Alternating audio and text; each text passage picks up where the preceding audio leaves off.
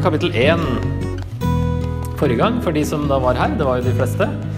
Og så eh, så vi der at Paulus eh, Han ble på en måte et eksempel på ydmykhet. Og det er jo det han skriver om i det brevet her, fordi det er et problem med enheten i, i menigheten i Filippi. Og eh, han fokuserer på ydmykhet, siden det er måten å løse det på.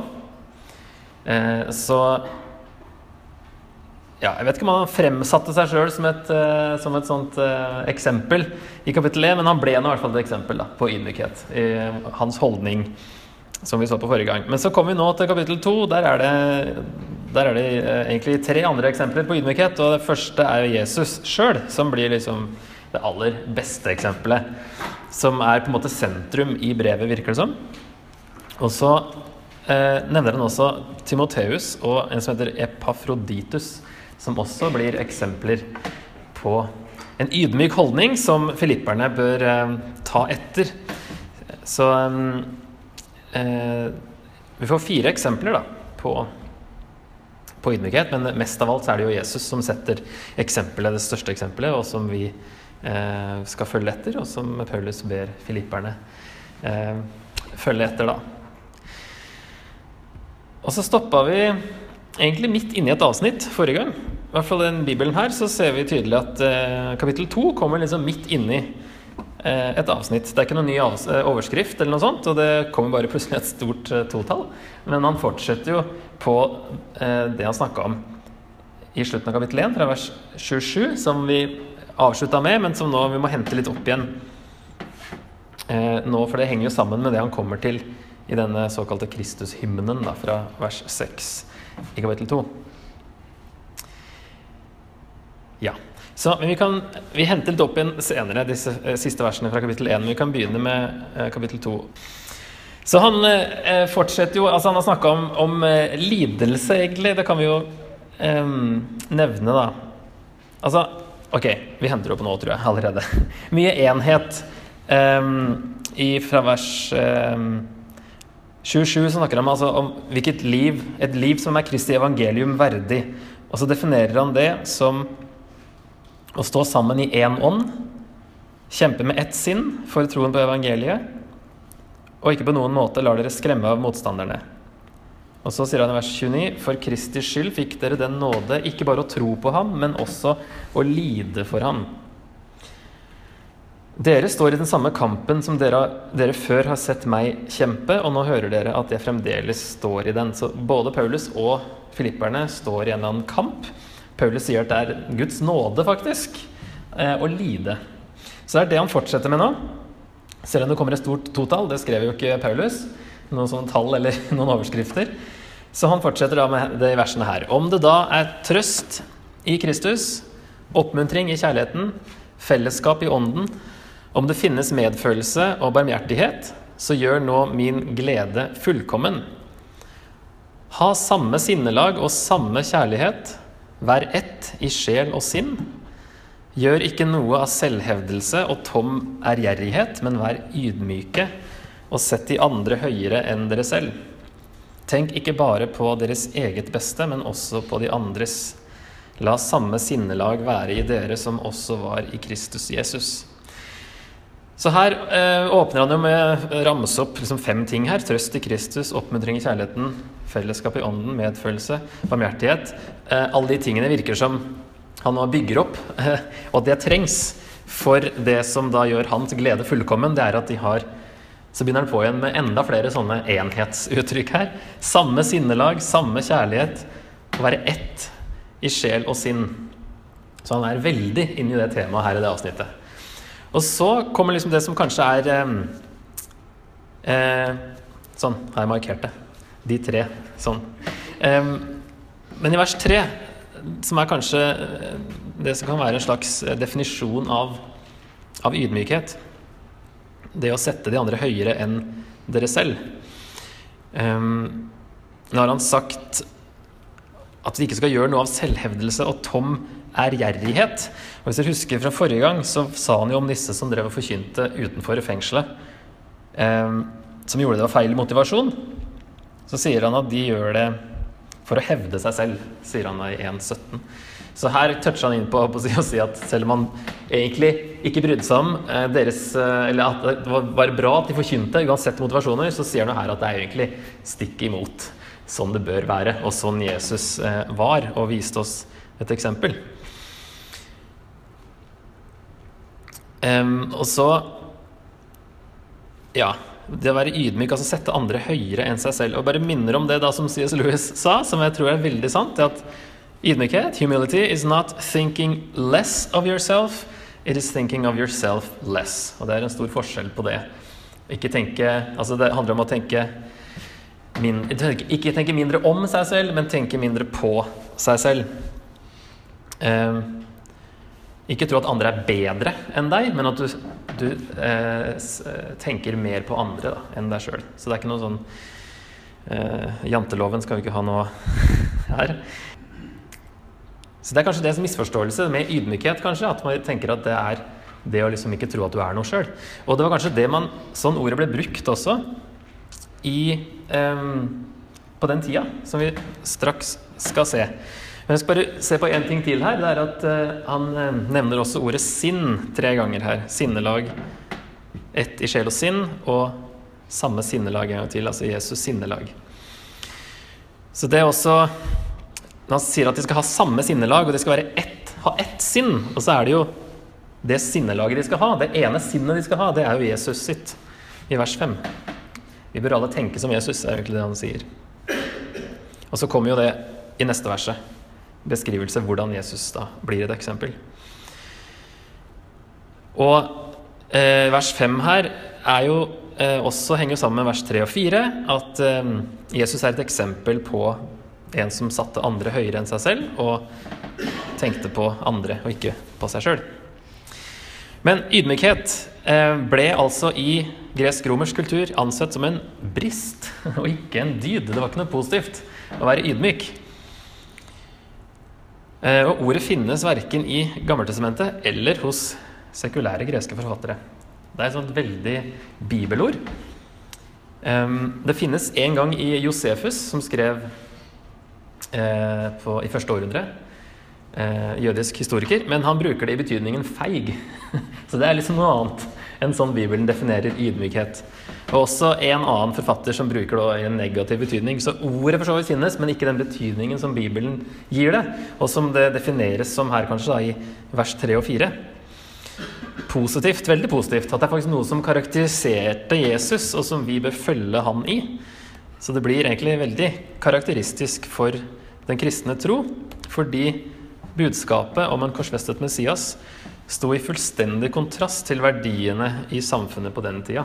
Så det her blir veldig spesielt, det kristendommen da Jesus vistes av et eksempel.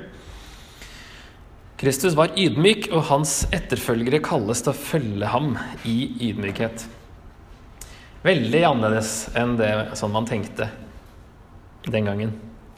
Og en kommentator, en kommentar, som jeg har lest nå innimellom alt annet, bare for å få litt input fra andre, eh, som heter Gordon Fee. Han eh, sa dette her. En korsfestet herre former disipler som selv tar opp et kors idet de følger ham. Vi kalles til å leve på vegne av Kristus, på samme måte som han levde og døde på vegne av den falne, ødelagte verden. Så på en måte så lider vi i stedet for Kristus. Vi er hans kropp, som var inne på sist. Han er hodet for menigheten. Vi er kroppen. Og vi lider på en måte som representanter for han. Og dette er noe helt forventa. Egentlig, det bør være veldig forventa, dette med at lidelse er en del av evangeliet i en eller annen form. da. Så har vi noen andre vers på det. Paulus sier i 2. Eh, Korinterbrev 1.: Han trøster oss i all vår nød, så vi skal kunne trøste dem som er i nød, med den trøst vi selv får av Gud. For om vi har rikelig del i Kristi lidelser, får vi ved Kristus også rikelig trøst. Lider vi nød, er det for at dere skal få trøst og frelse. Blir vi trøstet, er det for at dere skal få den trøst som gjør at dere holder ut i de samme lidelser som vi må tåle. Og så sier han av Kolosserne 1, 24, at nå gleder jeg meg over mine lidelser for dere. Og det som ennå mangler i Kristi lidelser, det utfyller jeg med min egen kropp. Jeg lider for hans kropp, som er kirken. Det er litt interessant det med hva som mangler i Kristi lidelser. Det har vært mye forskjellige tolkninger av det. Eh, men det virker som at det er noe som er veldig forventa. Det bør være forventa at Kristus led. Derfor bør vi jo forvente at det, det blir litt motgang. Og Jesus sa jo det i bergprekenen. Salige er dere når de for min skyld håner og forfølger dere, lyver og snakker ondt om dere på alle vis. Gled og fryd dere, for stor er lønnen dere har i himmelen. Slik forfulgte de også profetene før dere. Jeg vet ikke om Jeg pleier å glemme det, at jeg skal glede og fryde meg hvis det blir motgang. Det er ikke liksom kanskje det første vi tenker på, men når det er pga. Jesus, så er det egentlig veldig positivt. Det er et privilegium. Jeg har et par vers til, et langt avsnitt her fra Peter, som sier i 1. Peter.: Mine kjære, vær ikke forundret over den ildprøven dere må gjennom, som om det hendte dere noe uventet. Dette er jo egentlig helt normalt, sier han. Gled dere jo mer dere får del i Kristi lidelser, så dere også kan juble av glede når Han åpenbarer seg i sin herlighet. Salige er dere når dere blir spottet for Kristi navns skyld, for Guds ånd, herlighetens ånd, hviler over dere. La det bare ikke skje at noen av dere må lide straff for mord, tyveri eller annen ugjerning, eller for å ha blandet seg opp i andres saker. Det er visst veldig alvorlig. Men lider noen fordi han er en kristen, skal han ikke skamme seg, men prise Gud for dette navnet. Så egentlig Han kommenterer jo det Jesus sa i bergprekenen, at det her er Vi skal juble av glede, og det er ikke noe uventa. Vi skal ikke skamme oss hvis det er pga. Jesus at vi møter motgang. Og som vi også var inne på forrige gang, Apostlenes gjerninger 5, så står det at, om apostlene de lot dem piske, forbød dem å tale i Jesu navn og slapp dem fri. De forlot rådet og gledet seg over at de var funnet verdige til å bli vanæret for navnets skyld. Så der tok de den på alvor og gledet seg. Jeg syns dette var helt topp. Litt rart. Etter å ha blitt piska, eh, så var det da at de faktisk klarte å glede seg på en eller annen måte likevel. Og jeg tror kanskje det temaet om glede kommer inn så vidt her fra sida, altså temaet glede i Filippe-brevet, så handler det ikke om å, en følelse, men å kunne glede seg i eh, omstendighetene uansett. Men det tror jeg vi kommer mer til neste gang eller siste gang. Så er det nåde, kaller han det en nåde fordi vi tvinges på en måte til å bli mer lik Jesus når vi eh, møter motgang. Eh, i første Peterbrev så nevner Peter at eh, det er en, eh, altså lidelse fører til en rensing av troen, slik at den holder ut livet. Det blir mer seriøst, Da. Du tar det mer seriøst. Eh, og at det også er en måte å vitne på i verden, definerer han det som der. Og han sier at vi er kalt til å lide. Det, altså det, sier jo Paulus òg, men Peter sier det kanskje enda tydeligere akkurat der. At det er en del av, av evangeliet. At det er et privilegium, og at, at vi blir identifisert så nært da, med Jesus. Det er vel det som er det de apostlene, i hvert fall i Apostelens gjerninger 5, tenkte. Så Jesus er da den som eh, er det største eksempelet på ydmykhet. Og vi kommer nå til denne hymnen som vi ikke vet helt om Paulus var den som skrev den, eller om han har henta den inn fra, fra noen andre. Men eh, vi har det jo bare her. Så kan jo, det kan være Paulus som har skrevet den. Um, uansett så er det et stykke poesi som står da litt annerledes uh, satt opp i bibler som regel. Um, så vi kan lese gjennom de. Han var i Guds skikkelse og så det ikke som et rov å være Gud lik, men ga avkall på sitt eget, tok på seg tjenerskikkelse og ble mennesker lik. Da han sto fram som menneske, fornedret han seg selv og ble lydig til døden, ja, døden på korset. Derfor har også Gud opphøyd ham til det høyeste og gitt ham navnet over alle navn. I Jesu navn skal derfor hvert kne bøye seg, i himmelen, på jorden og under jorden, og hver tunge skal bekjenne at Jesus Kristus er Herre, til Gud Faders ære. Jeg tenkte å se på noen ting her i den første, den venstre biten. Um, det er noen, her, noen, ting her som har vært vanskelig, da, og som folk har diskutert litt fram og tilbake. Uh, så vi skal se om vi kan få litt klarhet i det. Skikkelse, dette ordet her. Han var i Guds skikkelse, og så tok han på seg en tjenerskikkelse. Har man lurt på eh, hva, hva var Jesu natur mens han var på jorda? Hvor mye av Gud tok han med seg? Og sånne ting. Og sier, sies det her at han er Gud? Var i Guds skikkelse. Det greske ordet er jo morfe, som vi finner i sånn morfose. Og, eh, det betyr egentlig form. Egentlig ytre form eller utseende. Det er liksom sånn det, det vi ser. Eh, det brukes bare av Paulus eh, akkurat her. Eh, I hvert fall akkurat den formen. Og det er litt vanskelig å vite hva, altså om det nå er Paulus eller hvem som nå skrev denne her, så er det vanskelig å vite akkurat hva han har ment, for det her passer liksom ikke helt på Gud, siden ingen har sett Gud. Hva er Guds ytre form, eller Guds utseende? Um, det passer kanskje med tjener, men Jesus var jo faktisk et menneske òg. Det var ikke bare at han så ut som et menneske. Så problemet har kanskje vært å finne en definisjon som passer begge to. Eh, og da er det jo en annen definisjon også, som er mer sånn egenskaper og vesentlige kvaliteter. Som også henger sammen med at det er jo det du ser, det er det du oppfatter med sansene, er jo det den, det den tingen er dens form, men det trenger ikke liksom bare være det, ut, det ytre. da. Um, og det ble i hvert fall da brukt til å beskrive noe som vi oppfatter med sansene. Og en form som liksom fullstendig uttrykker vesenet av en ting eller en person. Så når det her brukes om Gud, så uh, er det kanskje heller da Guds uh, vesentlige natur og karakter det er snakk om. Kanskje en litt sånn forsiktig måte å si at Kristus er Gud på, uten å si det liksom rett ut. Så sier han det på en sånn, Det er jo poesi også, men, eh, men at han var i Guds skikkelse. Det er ikke bare at han så ut som Gud før han ble menneske, men at han, han hadde noe av Eller hadde Guds vesentlige natur og karakter. Og så dette ordet rov, også litt rart. Så det ikke ut som noe så det ikke som et rov å være Gud lik, eller et røvet bytte, som det står i andre oversettelser. Det tror man òg betyr eh, Det har vært diskutert, det òg, men at eh, man tror det betyr noe, at, eh, noe tatt til ens egen fordel. Og her at det snakkes om Jesus da at han ikke utnytta det at han var Gud. Han var ikke egoistisk med det og liksom skulle bruke det til egen fordel, sånn som en konge vanligvis ville gjøre. da, Misbruke makta si. Så han var ikke en typisk konge, sånn sett. Og så dette ga avkall på har også vært vanskelig. Det betyr jo egentlig å tømme. Han tømte seg selv. Eh, objektet er faktisk seg selv.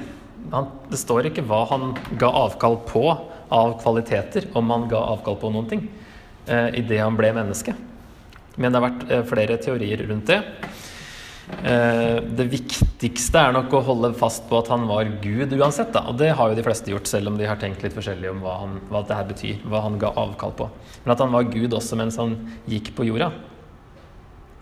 Eh, og så er jo det her poesi, og ikke liksom systematisk teologi, så vi må ta det litt sånn eh, ikke, gå litt, ikke gå for langt med det, da. men at han, han ofra seg. Det trenger ikke bety noe mer enn det. da, At han ofra seg. Han hadde Han var Gud men ga opp eh, den eh, statusen eller posisjonen eh, ved å bli et menneske og ta på seg en tjenerskikkelse. Det var jo egentlig en ydmyk, det var ydmykhet det da, for, å, for en gud å bli menneske. Det er en ganske stor forskjell. For det ordet kan også bety å bli maktesløs og miste betydning. Så derfor kan vi da eh, tolke det her som at, at Jesus ydmyket seg selv ved å endre status, ikke at han endra natur eller vesen. Også litt mer om dette her å gi avkall på. for det, Nå kommer det noen greske ord, da, men jeg trenger ikke å henge dere opp i, i det. men det kan, Jeg har skrevet dem opp fordi dere kan se eh, hvordan det henger sammen. For dere, jeg har skrevet det om si, til eh, latinske bokstaver. Eh, gi avkall på ser du at det er utheva eh, keno inni der, som betyr liksom tomhet, eller tømme. Det er det derfor egentlig ordet betyr å tømme. Så det har med med tømme eller tom å gjøre. Og det eh, har han nevnt i, vers 3, dette med tom ærgjerrighet. Det blir en kontrast til det han sa 'gjør ikke noe av tom ærgjerrighet', men som Jesus tøm i stedet. Tøm dere selv. Så her er det sånn litt sånne ordspill som eh, vi ikke ser kanskje på norsk. I hvert fall ikke hvis det ikke er oversatt med tømme. Da hadde vi jo sett det. Tømme og tom. Og så er det også en, eh, en kontrast mellom eh, det å gjøre noe for tom ærgjerrighet, eller det ordet betyr egentlig eh, tom herlighet. Doxia. Eh, men å gjøre det til Guds, Gud Faders ære, som han avslutter i vers 11. Her ser du jo ære i begge to, da. Så det er også en, en kontrast mellom eh, vers 3 og, og, Jesus. At han gjorde det til Guds ære, og ikke for sin egen tomme ære. Et annet her er når han sier eh, han så det ikke som et rov. Det er også et sånn ordspill med å sette de andre høyere enn dere selv. Og det er tilfeldig at det faktisk på overflaten passer på norsk. Men eh, det med så og sett. Men her er det jo ikke å se i fortid sett. Det er jo sette, så det er bare tilfeldig at det ser ut som det er samme ordet. Men i eh, noen oversettelser står det at han aktet det ikke som et rov. Og så sier Paulus i vers 3 at vi skal akte de andre høyere enn seg selv. Så der ser du, hører du kanskje mer den eh, at det ordet brukes to ganger her også. Så få frem at Jesus er en kontrast til eh, Eller egentlig her at Jesus eh, ja, blir et bilde på ydmykhet og et kontrast til det negative da, som han nevner før dette. Han tok på seg tjenerskikkelse, dvs. Si at han ikke gjorde noe i selvhevdelse, som han også nevner i vers 3. Og så fornedret han seg selv. Og der er samme ordet som det å være ydmyk, som han også har nevnt i vers 3. Så det er veldig mye her som er liksom et svar og et eksempel og, eller en kontrast til det han akkurat sa før denne eh, hymnen begynte, da. Og så er det jo at han ble eh, lydig til døden, døden på korset. Og korset er jo for oss eh, et kjent symbol, men det var jo ikke et kristent symbol før på 300-tallet. Og for jøder så var jo det å dø på et tre eller et kors var jo en forbannelse fra Mosloven. Eh, og for romere så var ordet kors så støtende og skulle ikke nevnes i samtaler. Selv ikke når noen ble dømt til døden ved korsfestelse. Så var det noe man ikke skulle si. Det var liksom sånn banneord, nesten, det å si ordet kors. Cicero sa korset må aldri komme, i nærheten, komme i nærheten av en romersk borgers kropp. Det må aldri dukke opp i deres tanker, øyne eller ører. Det var et skikkelig stygt ord. Kors. For det var så Det var bare de verste kriminelle som, som ble drept på den måten. Og det var liksom så utrolig ydmykende, da. Kirkefedrene forbød å avbilde korset i kunst. Helt til ute på 300-tallet med Konstantin hadde det synet med Han så korset og med dette tegnet skal du seire og sånne ting. Og så ble det, ble det et uh, positivt uh, symbol, da. Men før det så var det ikke lov å avbilde korset i kunst.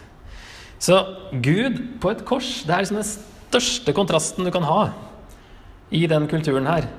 Der Gud ble drept av mennesker han hadde skapt i svakhet og ydmykhet. Ingenting å skryte av. Og det var veldig ydmykende. Det er det Paulus sier, at evangeliet er jo dårskap. For det er jo helt Det er jo ingen som vil følge det her fordi det er tiltrekkende. Dette er jo helt eh, frastøtende for både jøder og grekere, sier han i første Korinterbrev. Og en gammel eh, graffiti som vi har fra rundt år 200, tror jeg eh, ser sånn ut. En karikatur som er funnet i Roma.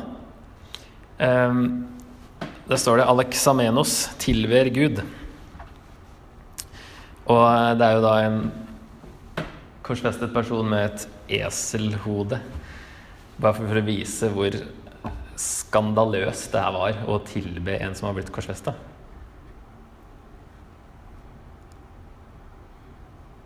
Så det er, ikke, det er, ikke, rart at det symboliserte noe helt annet enn det det gjør for oss.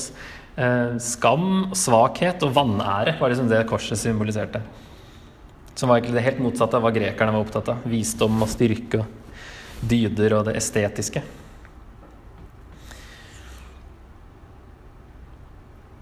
Og så etter si, slutten av denne hymnen Det går liksom over hele historien, fra før inkarnasjonen til altså helt til eh, altså preeksistent tid da, for Jesus.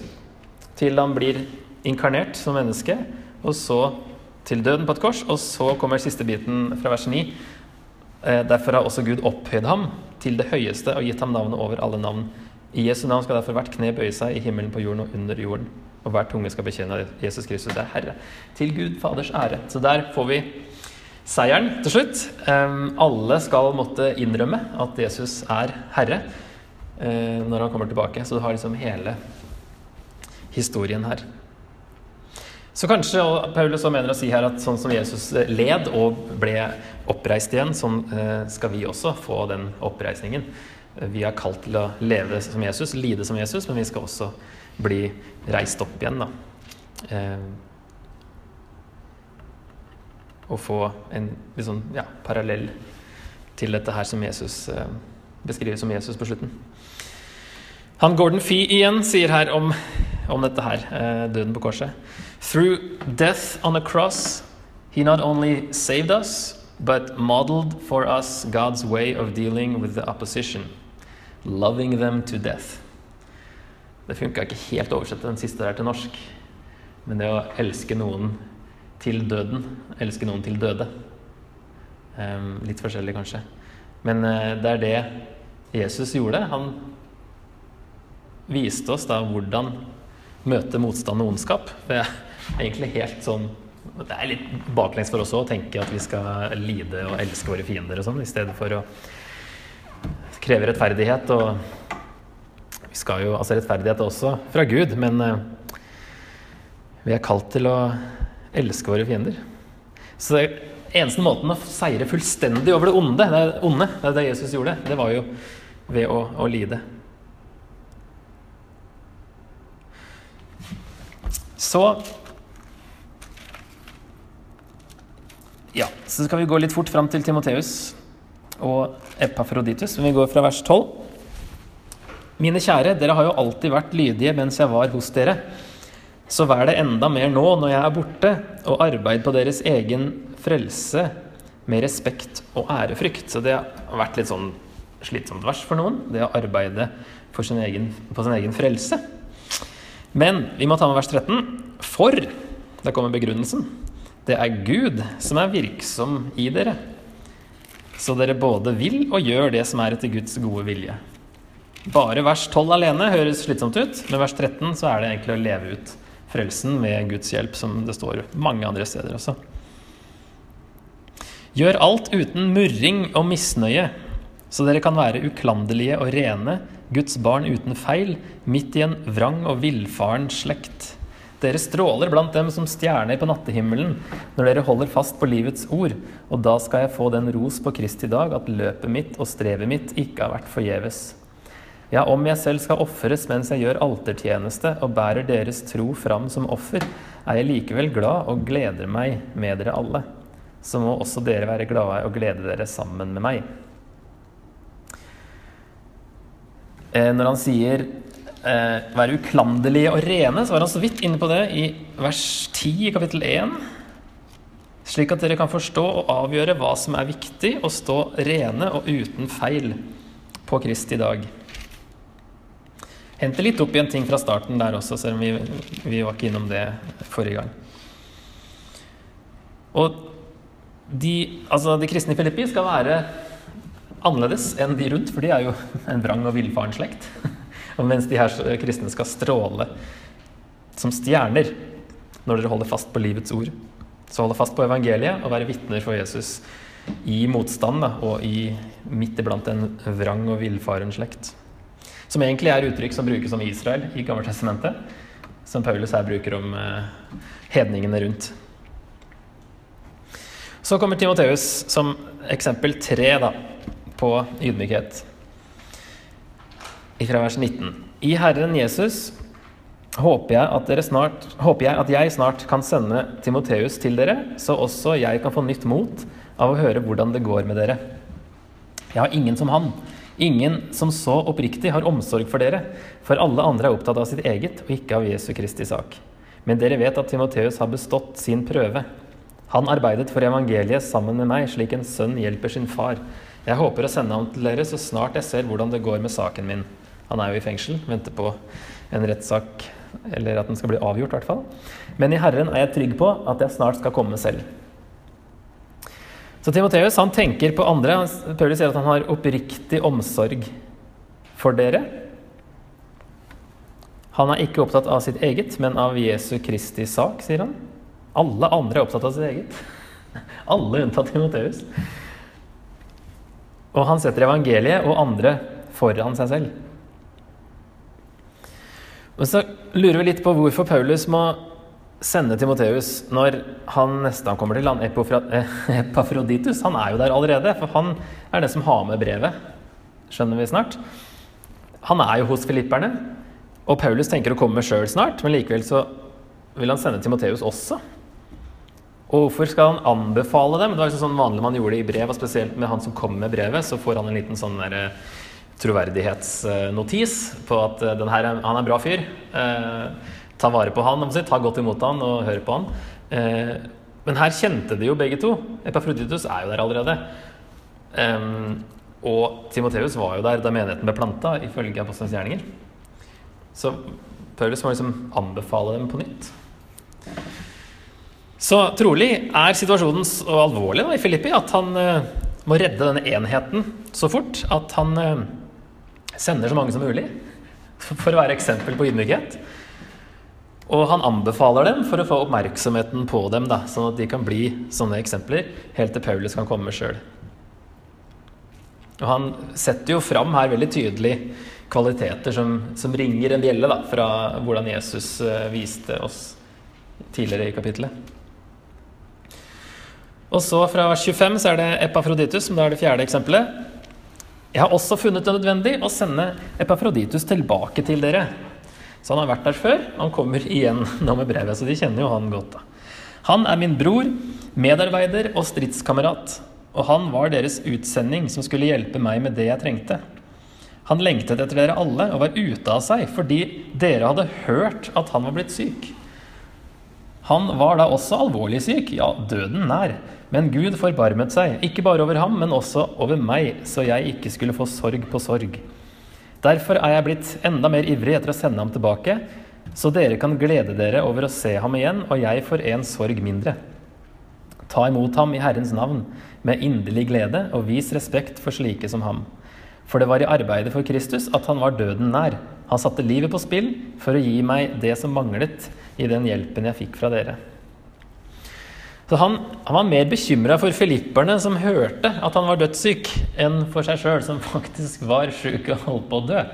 Så var det liksom han eh, Han var ute av seg.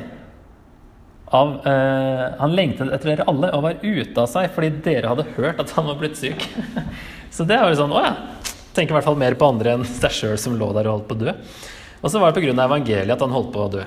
Vi vet ikke hvordan, men han risikerte jo livet for å fullføre oppdraget. Og døde nesten da for, eh, for Kristus, som han sier i vers 30. Så han òg brydde seg mer om evangeliet og andre enn seg selv. Så det er jo enheten som er problemet, og han har fokusert nå veldig på ydmykhet. Spesielt i kapittel 2, men også i kapittel 1. Jeg har liksom hamra det fast flere ganger med liksom sånne triader av uttrykk som egentlig er parallelle, og for å liksom få ting eh, Det er jo retoriske virkemidler, da, men eh, få fram poenget. Det tror jeg han, eh, han gjør. Og så er det eksempler. Han sender jo faktisk levende mennesker til dem som eksempler på ydmykhet. Så har jeg noen spørsmål til slutt. da. Hvordan skal vi følge Jesu eksempel? Ehm, litt annerledes for oss enn eh, for dem. Annen kultur osv. Annen tid. Andre, andre, deler av verden er det jo annerledes, og de kjenner det litt, litt mer enn eh, en de mot, den motgangen vi kan møte. Da. Men for oss gjelder det i hvert fall eh, Er vi villige til å gi opp status og et godt rykte og i stedet bli diskriminert, f.eks. Det kan jo plutselig skje. Når Jesus, Jesus oppga sin status som Gud Jeg har jo alltid hatt lyst til å bli sett på som en normal kristen, og ikke en rar kristen. Jeg syns det var mange rare kristne, og jeg vil gjerne vise at det gikk an å være normal og fortsatt tro på Jesus. Og det er jo mulig til en viss grad, men eh, vi tror jo egentlig på ting som er ganske uvanlig. Eh, så det er jo litt sånn Det går ikke helt Det går ikke an å gjøre det Altså, det er dårskap, egentlig, for, for verden. Det går ikke an å gjøre evangeliet til noe annet enn dårskap. Um, men det går an å oppføre seg vanlig, på sitt normalt, selv om man tror på det. Men, men det går ikke an å gjøre det helt sånn at verden skal synes at dette her er kjempebra, alt sammen. Det er jo en bra ting å ha um, innflytelse og betydning og sånt i verden, men uh, er vi villige til å, til å gi opp det, da? Er vi villige til å bli ansett som mindre intellektuelle og bli latterliggjort for Jesus skyld og til å miste betydning i denne verden?